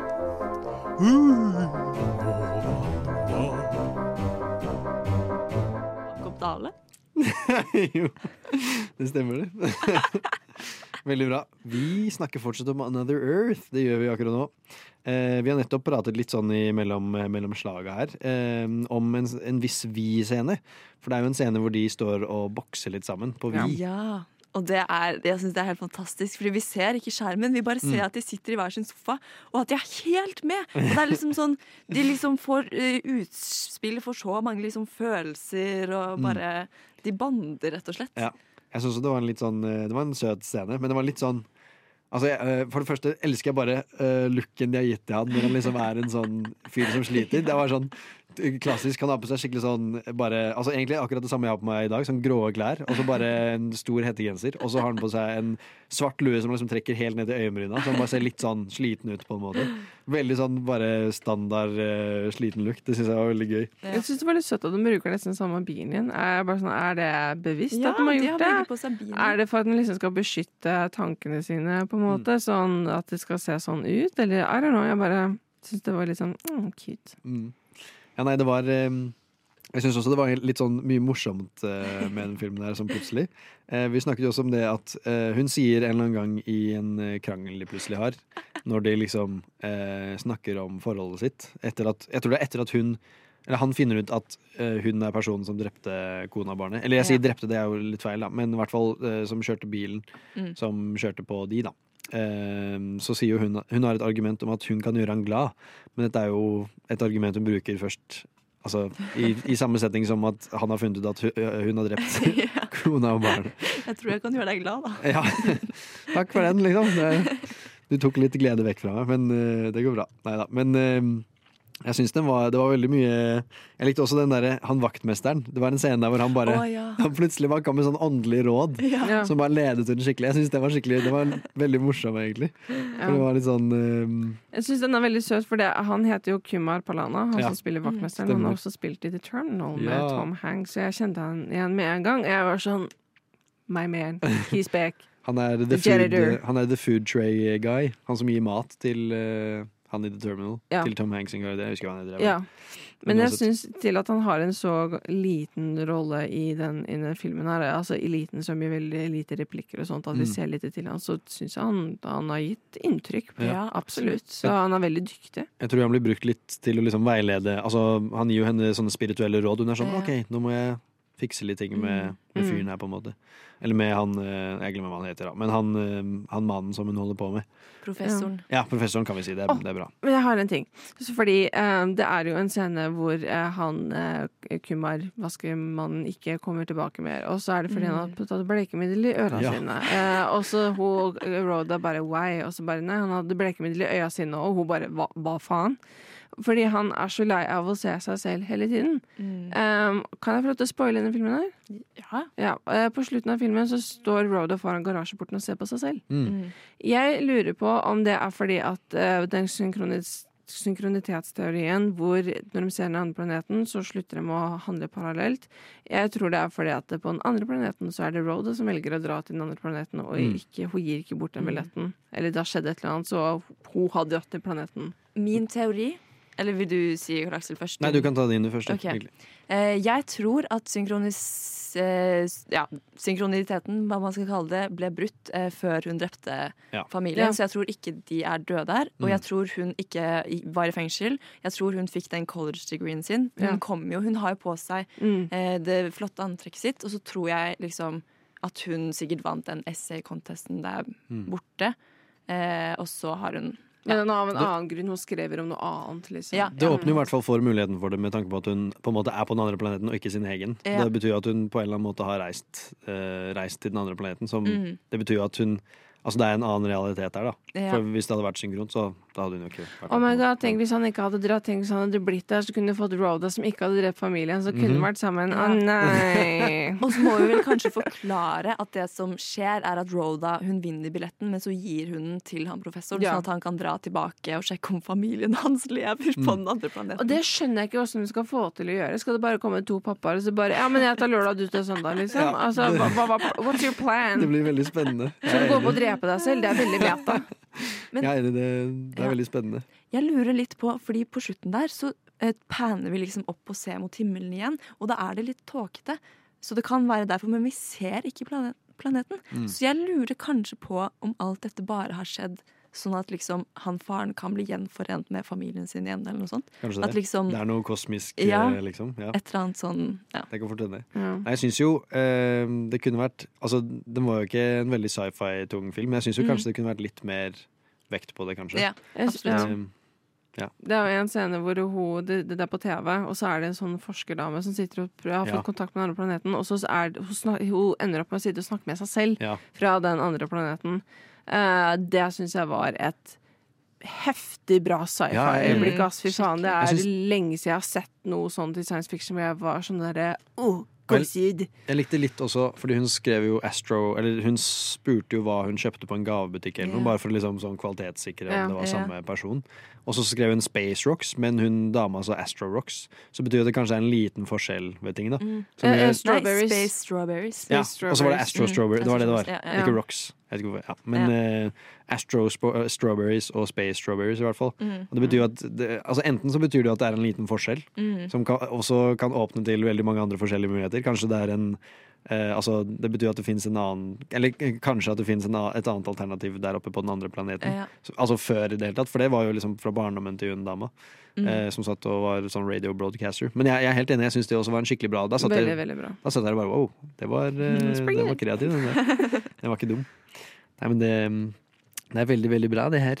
Veldig bra. Jeg syns i hvert fall at uh, det var en, eh, en, en slager av en film, egentlig. Men Mm. uh, det var visse ting som jeg bare ikke helt klarte å slippe meg fri for. Nei, Jeg ja, skjønner det. Jeg Men skjønner det. jeg likte egentlig sånn uh, dynamikken til de to før det ble liksom en Romantisk, seksuell greie. ja. Noe, noe jeg også må nevne, er at de hadde jo sex i, en, i en scene her, og så uh, bokstavelig talt scenen etterpå Ja. så drar han til et sykehus. Jeg var sånn Hun er gravid! Hun må være gravid! Det er så typisk. Jeg er så glad for at vi ikke gjorde det. Det er Ja, ja. irriterende å merke Jeg våkner opp, og så bare er det sånn derre Og så kaster du opp liksom. Jeg bare sånn Å, Ja, ja, ja. herregud. Jo, men det var- fordi at man så den oppkastscenen, og så drar hun til sykehuset sykehus Ja. neste scene. Jeg var sånn OK. Karl Aksel, trodde du han, at hun hadde blitt gravid med én gang? Nei, men altså, det har jo vært I neste episode biologi. Nei da, men Det er første Men- de ligger med hverandre. Men fordi de, har jo, de tok jo noen sånne liberale tidshopp litt sånn tidlig i filmen òg. Vi var litt Ja, okay, usikre på ja. når, når tid, tidsrommet var. Ja. Jeg var ikke sånn 'Å, hun er gravid dagen etter'. En måned på vei med en gang. Det er sånn, det er fint. Nei da. Men uh, i hvert fall litt blandet mening her òg. vi får se litt når vi hopper videre til neste fyl. What? Radio nå. There are days that define your story beyond your life.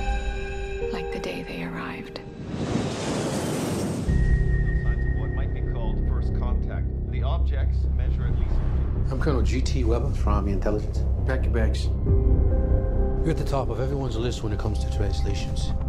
Priority one. What do they want? Where are they from? You'll be reporting to me, but you'll be working with him when you're in the show.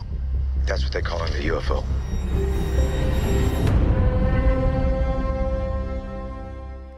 Ja, ja, ja, ja, ja. Arrival. Åh, tidenes sci-fi-film. Mhm, Muligens. Jeg er egentlig veldig veldig glad i den filmen her. Ja, ja, ja. Den er helt fantastisk. Mm. I, eh, vi kan jo egentlig begynne litt med å prate litt om den. da. Eh, den handler jo egentlig bare om eh, at vi møter språkforskeren eh, Louise Banks, som er spilt av Amy- Adams. Eh, og plutselig så dukker tolv utenomjordiske romskip opp over hele verden, og Banks blir da rekruttert av den amerikanske hæren for å oversette mystiske tegn gitt fra disse eh, såkalte heptapodsene, som de blir kalt. Eh, eller ja, det er jo romvesener, da. Eh, disse befinner seg i skipene, og de, eh, de prøver å kommunisere med menneskeheten. Og da har hun blitt eh, rekruttert for å eh, ja, prøve å oversette det, da. Vi har også med oss eh, Jeremy Renner, som spiller Ian Donnelly, som er en teoretisk eh, fysiker. Vi har også med oss General Webber, som er spilt av Force Whittaker. Og kappløpet med tiden begynner da eh, flere andre nasjoner også øker trykket for at de utenomjudiske skapningene kanskje kan være fiendtlige. Eh, samtidig med dette prøver Dr. Banks å knekke koden til å kommunisere med disse heptapodene. Da. Dette er jo en eh, veldig kommersiell film. Jeg vil tro eh, de aller fleste nesten har sett den per nå. Den er jo fantastisk bra, så det er veldig, veldig forståelig om mange har sett den. Den er eh, fantastisk fin. Jeg, jeg elsker den filmen her. Det er en ti av ti for min, for min del. Ja. Science fiction gjort eh, riktig, Ja. syns jeg. Definitivt. Ja, men spesielt med musikken, som er av islandske Johan Johansson. Mm. Eh, det er um, eh, Snikskryt skrev akkurat en artikkel om det, gå og sjekk den ut. Eh, men eh, han har gjort noe som er veldig, veldig smart når det kommer til den filmen her, og det er at ingen av lydene i soundtracken eller sånt kan på en måte høres fra messing. Eh, du kan ikke høre noen menneskelige bevegelser, da, sånn type strumming på gitar og sånt, som gjør at eh, lyden i seg selv, eller musikken i seg selv, blir veldig sånn um, ukjent. Mm. Eh, Hans Zimmer snakker også om at han har gjort det samme når det kom til Dune-filmen, at det var et fokus de hadde, at de kan ikke på en måte ha gjenkjennelige instrumenter. Um, og det tror jeg kanskje er noe som gjør at musikken til Arrival så insanely bra. Og han har jo også jobba mye med Villeneuve Mm. tidligere. Ja. Nei, jeg er helt enig. Den er uh, helt insane. Noe jeg også, altså musikalsk, liksom, men noe jeg også elsker med den her, er at visse scener eh, hvor vi da blir møtt med datteren til, eh, til eh, Louise, eh, så er det komplett stillhet. Og det syns jeg nesten er enda mer rørende òg. Så jeg, det, det bare treffer meg skikkelig i hjerterota, akkurat det der. Når det liksom er Jeg vet ikke hvorfor. Altså, det er jo ganske mye lyd der. Disse heptapodene lager en god del lyd. Det er mye bass, og det er veldig sånn Mm. Det er jo svære, svære sånne romskip eh, som plutselig dukker opp. Um, høres kanskje litt teit ut, men det er det ikke. Uh, de ser jo kjempekule ut. Jeg syns de ser helt kule ut. ja, ja, ja. Wow, det har jeg ikke tenkt over. Det er en god uh... Det var, ikke, det var ikke min, det var faktisk fra P3 ja, Filmpolitiet som det er en påpekte det. Shit. Creds til de, da. Creds til Mm. Birger Vestmo. Creds. Eh, men eh, i hvert fall eh, Jeg syns det med at det bare plutselig blir komplett stillhet, og i hvert fall i de litt sånn flashback-øyeblikkene, syns jeg bare er helt fantastisk. Ja, det blir jo en slags baklengseffekt, som Mm. man kaller the presence of absence. Eh, Mm. Fordi, som Karl Aksel sier, det er veldig mye lyd fra de heptapodsene her. Um, og man har det som man kaller for en liminalitet, som er mellom punkt A og B, da. Et mellompunkt. Um, og de snakker veldig mye om at tid ikke er lineært. Det er noe mye, mye, mye, mye mer abstrakt. Um, så når hun, eh, Louise, da får disse som vi tenker er flashbacks av minner med dattera på tur og sånt, så blir det veldig stille, fordi det er eh, mye større impact på henne. Og istedenfor da for å på en måte punche på med mye mer musikk, så tar den det helt bort istedenfor. Og det blir sånn type nanolyd. Det er på en måte lyd der, men det er ikke lyd likevel. Mm. Eh, og det har en utrolig virkningsfull effekt for, og for oss som publikum til å forstå hvor truffet Louise blir av disse minnene. da Hvor mye Mm. de faktisk affekterer henne. Mm. Ja, jeg, så, jeg så denne filmen her på, eh, på skolen. Eh, for ikke sånn innmari lenge siden. Og da var, var vi i en litt sånn stor, nesten sånn kinosal. Og lydbildet er bare så utrolig sånn rikt og ulmende og nesten litt sånn for mye innimellom. Det er forskjell på å liksom, høre den på PC-en. Da er det ikke like mye av det som kommer igjennom. Men eh, ja, det er, mm. det er sterkt lydbilde. Mm. Ja, folk bør absolutt søke opp Johan Johansson på din foretrukne musikkstrømmetjeneste. Han døde dessverre av en overdose i 2018. Um, kombinasjon av influensamedisin og kokain. Ikke, ikke gjør det. Um, men han har også lagd musikken til 'Prisoners', også en Villeneuve-film. Mm. Med også um, en annen film med Sicario? Nick, Å, oh, ja. Han har lagd den også. Ja, ja, det har han. Men det var en annen. Mandy Ja, med Nicholas stemmer, Cage. stemmer. En supertrippy film som han Mm. også lagde musikken til, men som er også igjen bare utrolig imponerende. Mm. Verdt å sjekke ut.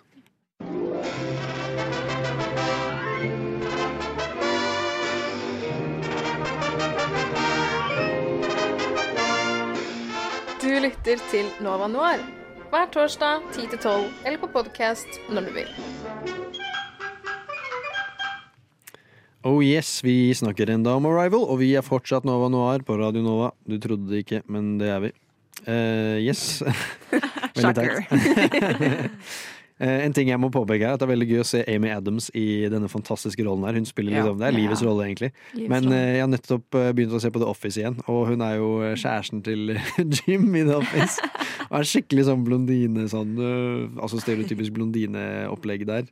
Eh, veldig gøy å se henne i denne rollen her, som ah, genuint livets rolle, faktisk. Den greia her. Ja, absolutt. Jeg husker Amy Adams fra den der um, Fairytale in New York, et eller annet. Den Oh derre kjemperare eventyrfilmen hvor hun kommer inn og bare oh, den, ja, har dere sett den? Den har jo fått en ny, liksom. En sånn, hva heter eh, Spin-off, eller? Ja, nei, en oppfølger. Wow, med wow. Amy Adams Altså, den er jo dritbra. Det, det er Hvor hun blir ond. Ja. Men uh, vi får, vi får Ikke spor av for mye. Det får bli en, det får bli en annen sending. Da. Nei, men i hvert fall. Um, jeg syns den filmen her er sånn Altså Pacingen i den filmen her også er bare helt fantastisk. Sånn, de første ti minuttene så har liksom alt du trenger å vite, har allerede skjedd. Mm. Og eh, alt bare Altså, det er veldig sånn i medias race å bare gå rett inn, og Mm. du får vite alt med en gang. Ja. Åh, jeg, jeg er forelsket i den filmen jeg tror jeg. Ganske genuint. Jeg så den i dag morges igjen, bare for å friske den opp litt, og um, I cried. I dag morges. I dag morges. Du var der klokka ni. Ja, jeg, jeg våkna klokka fem i du dag. jeg våkna klokka fem. jeg er veldig glad i å stå opp tidlig om dagen. Ja, det er eh, veldig sterkt. Tusen takk. Stå opp fem for å se på film. Det er, eh, det er hardt. Nei, men eh, i hvert fall, det er også en sånn eh, montage, sånn eh, 50 minutter inn i den her, hvor det liksom går gjennom bare alt de vet om heptapodene og bare språket og mm, generelt litt sånne type ting. Og det, altså, jeg bare, det er liksom akkurat på det tidspunktet hvor det begynner med litt sånn, det er litt sånn tørt med liksom den språkvitenskapen de har om det, og så bare så pacer de det opp igjen. Og det er så, det er så fantastisk. De har liksom så god pacing gjennom, gjennom hele filmen. Ja. Men dere hadde sett uh, filmen før? Ja, Ja, mange ganger. flere Ja. Mm. Det er en uh, salig favoritt. Cry every time. Ja. Det Det blir absolutt sånn. Når du går inn på det med lingvistikkdelen og sånn, fordi Amy Ja. er jo det. Eh, nei, Amy Louise. Eh, for jeg har ei venninne som faktisk har doktorgrad i lingvistikk. Oh. Eh, wow. Eh, em, Shout-out til Alice.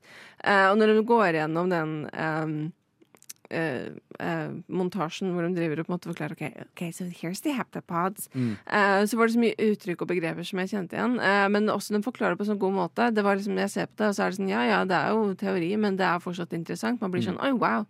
Dette, dette skjønner jeg, på en måte. Ja, det er litt sånn mindfuck. Hvordan kommuniserer du med liksom noen som du aner ikke hva slags språk det er engang. Jeg skjønner ikke. Ja. Men så liksom forklarer de det på en måte, og, og så Mm. blir man litt sånn interessert i språk. Sånn, skal jeg studere språk, kanskje? Ja. Mm. Og det er et veldig veldig godt poeng som hun tar opp der, Anne. Fordi det med Hun sier det jo på starten når hun sitter i et helikopter, så bare It's the first weapon drawn in a conflict. Det, er liksom, Ja. det, er, det er språk.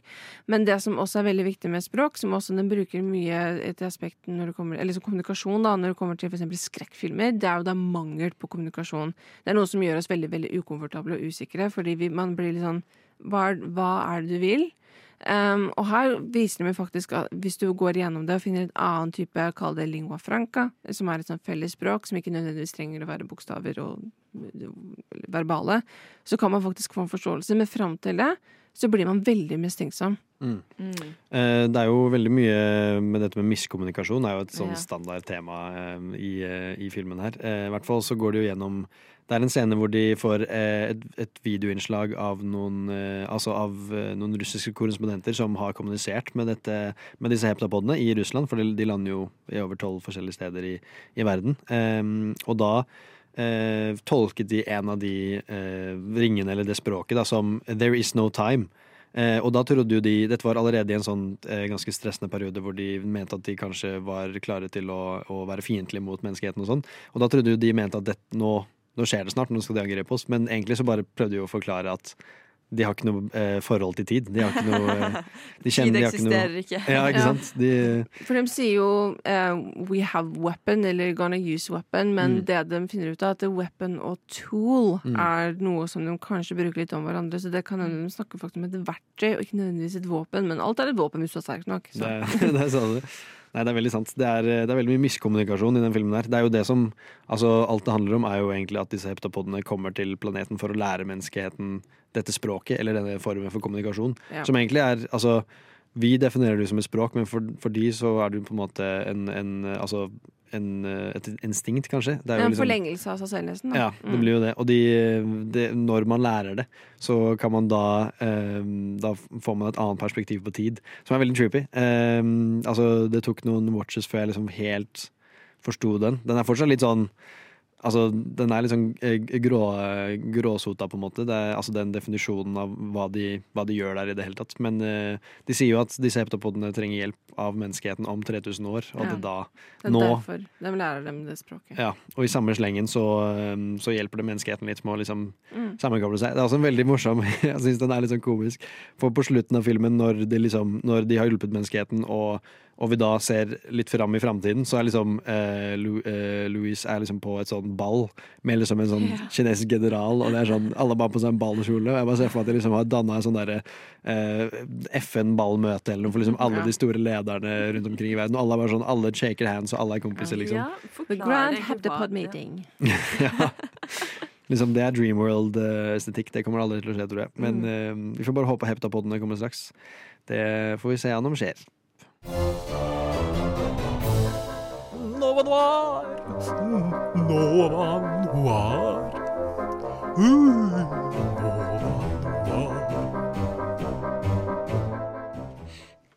Oh yes, vi snakker fortsatt om Arrival. Hva syns dere om den her i forhold til de andre filmene? Altså, den har en hel annen klasse over seg. Ja. Det, det er ikke noe å lure på engang. Altså, don't get me wrong, jeg, når jeg så Another Earth, så var jeg sånn der eh, veldig glad over at eh, jeg hadde blitt anbefalt en ny film som jeg faktisk likte. At det ikke var sånn ah, den her sugde også. Ja, ja. Men, eh, men uh, Arrival, den så jeg på kino med pappa. Eh, Jeg drar egentlig bare på kino med pappa. Er ja, koselig. pappa. Um, så, men det, det, det var jo en helt sinnssyk opplevelse å se den på, på kino også, med Mm. lydbilder og alt mulig. Så det, det er jo Når folk liksom nevner Arrival, så blir jeg sånn Jeg har sett den filmen! Den har endret livet mitt. Ja. Men den er helt sinnssyk. Altså, det jeg syns er best med den filmen her, eh, tror jeg kanskje er at eh, Amy Adams er på en måte, eller Louise, da. Hun er en helt, men hun er ikke liksom en tradisjonell science fiction-helt fordi hun liksom er eh, skikkelig sterk og Mm. dreper masse folk og vet hvordan hun eh, bruker en pistol.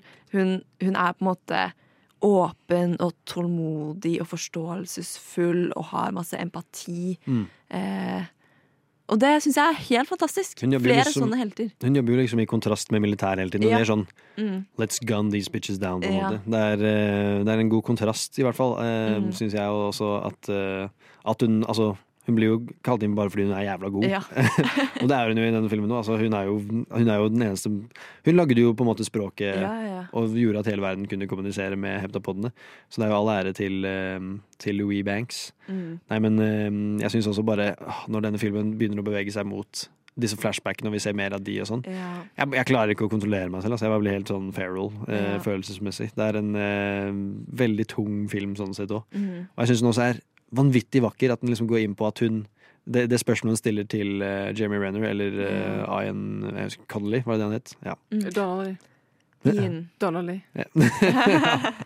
Men i hvert fall det spørsmålet hun stiller til han Hvis, uh, si vel, hvis du kunne levd Eller hvis du kunne sett gjennom hele livet ditt, hadde du levd det på nytt? Og så, eh, det er et fint, altså, bare et fint sånn første date-spørsmål, på en måte òg, men uh, liksom eh, med, med konteksten om at hun faktisk har sett hele livet sitt og vet Eller det, det kan Ja. spørs da om vi vet Vet hun hele livet sitt, eller vet hun bare Jeg føler at hvi- hvis hun liksom har utviklet denne evnen som hun snakker om at når man forstår språket sånn ordentlig, Mm. så får man den, deres evne til å liksom forstå tid på en rund måte, og Ja. ikke på en eh, lineær måte, liksom. Så jeg tenker at hun helt sikkert har Hun vet hva som kommer, Ja. liksom. Eh, Vi, ser, vi ser jo det med han der General Shang også, som går bort og, og da sier, eh, eh, sier nummeret sitt til, til hun, på en måte. Så har jo han også fått hva skal man si, vite ting Ja. foran. Han kan jo også, jeg, jeg liker ikke å si 'se fram i framtiden', for det blir jo sånn Og så blir det egentlig bak i tid. ja, ja, det blir det jo, men eh, ja, det er sant. Men, eh, eller bare sånn Det blir jo time travel, på en måte. Det, Ja. ja. Veldig kan- abstract. ja, det er det. Det er også vanskelig å se for seg liksom, hvordan det kunne skjedd, men eh, I guess vi tenker veldig 3D på ting. Men eh, jeg har faktisk hørt at eh, eh, Fordi screenwriteren på den filmen her, han hadde en sånn Q&A på et panel, så jeg fikk faktisk høre hva hva mm, karakteren Louis, eh, eller Louis, ja, eh, hvisker til denne general Cheng. Da. Eh, og det var visst Og det var de siste ordene eh, som kona til general Cheng også, også sa. Og det var visst eh, War does not create winners, only widows. Og det var visst eh, her final words til liksom en oh. militær general. Den er rough å høre. Ja. Den tror jeg er litt rart, eller litt sånn irriterende at de ikke har Fordi du får jo tekst på filmen, sånn Mm. du kan velge engelskspråklig tekst, men så når de snakker mandarin, Ja. så er det veldig tydelig at det er noe liksom viktig som Mm. blir sagt, og så oversetter de det ikke. Jeg tror kanskje det var litt sånn altså, det, det er enig, altså Jeg liker veldig godt eh, at de ikke sier egentlig Ja. eh, som hun kona sa. Okay. At det er litt sånn hemmelig, det liker jeg. Men det med mandarin er jo sånn, det er greit nok eh, eh, at de ikke oversetter det, men sånn, hvis du kan mandarin, så vet du det. på en måte. Så det ødelegger jo litt meningen med at det liksom skal være litt sånn hemmelig. da, på en måte. Ja. Uh, Det så, bygger veldig opp under temaet også, at det er språkbarrierer her. Ja. Det er jo også det som får folk til å at eh, Det er det som også får Kina i utgangspunktet til å vurdere å angripe disse heptapod-skipene. Mm. Fordi de skjønner ikke hvorfor de er her. Så de er sånn Da, da, da skyter vi, da. Mm. Um, som da Louise og teamet hennes prøver veldig desperat å stoppe. Så det gir litt mening for min del at de ikke har teksta det. mm. Ja. Jeg liker også veldig godt på slutten av, eh, av filmen, når hun kan liksom kommunisere med heptapodene. Så, så er det bare teksta, på en måte. Jeg liker Ja. veldig, det, det liksom, da, kan, eh, da kan tekstformatet på film, eller i hvert fall teksting, da, i det hele tatt kan eh, virkelig skinne gjennom at det liksom er Ja. Det er sånn vi klarer å forstå heptapodene. Når Costello bare 'Abbot er død, jeg bare Ja. Det var faktisk det, At vi ikke har pratet om det, er litt, er litt synd. Det er, det er faktisk det tristeste i hele verden. Um, og det som også er litt kult der, er at um, de skjønner jo ikke hva disse heptapodene mener i det hele tatt, når de liksom Mm. slår hva skal man si, labbene sine, eller potene, Ja, mot glasset. Men det er, altså mest sannsynlig så er det bare at de prøver å peke, så de bruker Ja, et menneskelig prøver- kommuniseringsmiddel. Ja, prøver å Det er så- peke på bomben. Men de, de skjønner jo ikke, så da ja, det funker ikke. Men også en annen ting er jo at eh, Castello han, kom, han vet jo mest sannsynlig Altså han vet jo da at han kommer til å dø, han, men han gjør det fordi han vet at han må ofre seg selv for å, Ja. å redde Amy, da. Ah, trist film. Ja. Ja. Veldig bra, men trist film. Det viser også hvor eh, hva skal man si Um, omnipresent eh, empati kan være. Mm. At De har jo åpenbart empati med hverandre, men mm. de har ikke sagt en dritt. Altså, det er jo Mm. bare at de forstår språk og sånn. Mm. Veldig, veldig sant. Lyssna istället till Radio Nova. Vi har egentlig da pratet om eh, tre filmer innen alternativ eller nisje sci-fi slash dystopi-sjangeren. Men det er jo egentlig en hel haug med andre filmer vi også kanskje kunne ha pratet om. Vi har jo hatt litt sånne interne diskusjoner om det her. En film jeg vet jeg hadde hatt veldig lyst til å prate om, som vi heller får ta en annen gang, er Eternal Sunshine of the Spotless Mind. Ah, det er en av mine favorittfilmer av eh, Charlie Coffman, som er veldig, veldig bra. Den er jo også, har litt sånne sci-fi-elementer i det hele tatt, men den bruker jo ikke det som et, et hovedvirkemiddel til Altså, Det er ikke det handlingen handler om, egentlig. da Det er noe sub, eh, subkontekst i det òg, som jeg veldig gjerne skulle ha pratet om. Men uh, det får bli en annen gang. Den er også Man kan relatere den til f.eks. The Lobster, hvor det er sånn Det er egentlig relativt alminnelig, en alminnelig verden som, som nå, men det er bare visse forskjeller som um, Som da gjør at det blir en helt, helt annen film da enn det den ordentlige virkeligheten her. Men hva med dere? Har dere noen uh, honorable mentions dere har lyst til å nevne her? Eh, Det er en sånn eh, serie som ligger på Netflix som heter Love Death Robots. Oh, ja. Den må folk se, Mm. med stor M. Og hvis jeg får høre at noen ikke gidder å se den, så får det med meg å gjøre. Det er en Den ligner jo litt på Black Mirror, for Mm. det er disse episodene som egentlig ikke har noe med hverandre å gjøre, bortsett fra at Black Mirror har en slags sammenheng med episoden, da. Men det er en rekke forskjellige animatører som virkelig har fått lov til å briljere eh, med litt talentene sine, eh, med masse forskjellig science fiction-ish, og alt fra et super-horror-gory til liksom sånn nusselige Hamananutututen-episoder. Eh, men Love Death Robots, gå inn og se dem på Netflix. Jeg tror det er tre volum de har nå. Ja. Eh, hvis man har lyst til å se romantisk science fiction, eh, en historie om en jente som er en robot, men som ikke vet at hun er en robot, eh, så kan man se en film som heter Zoe. Jeg trodde jeg nesten du snakket om Blade Runner.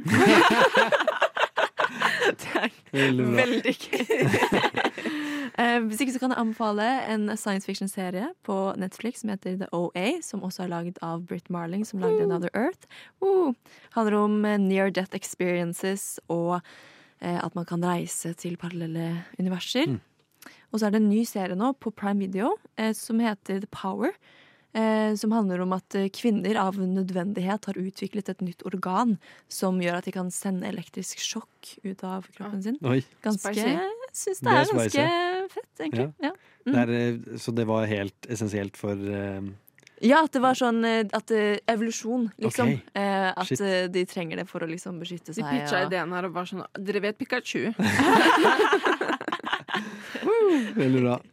Nei, men Nydelig. Eh, jeg synes også, altså, Det er jo verdt å nevne at The Lobster kunne jo egentlig bare vært en hel eh, Black Mirror-episode. Ja. Så Det kunne fint vært en serie, altså for min del. Da hadde jeg kanskje likt det ja, bedre. kanskje det. Det er en god løsning. Du får, du, du, får, du får sende noen mails. Det, det kan du klare. Kinnamail.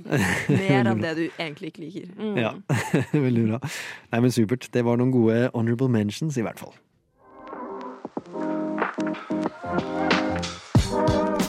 Nova Noir. Film på radio. Hver torsdag 10 til 12, eller i din podkast-app når som helst.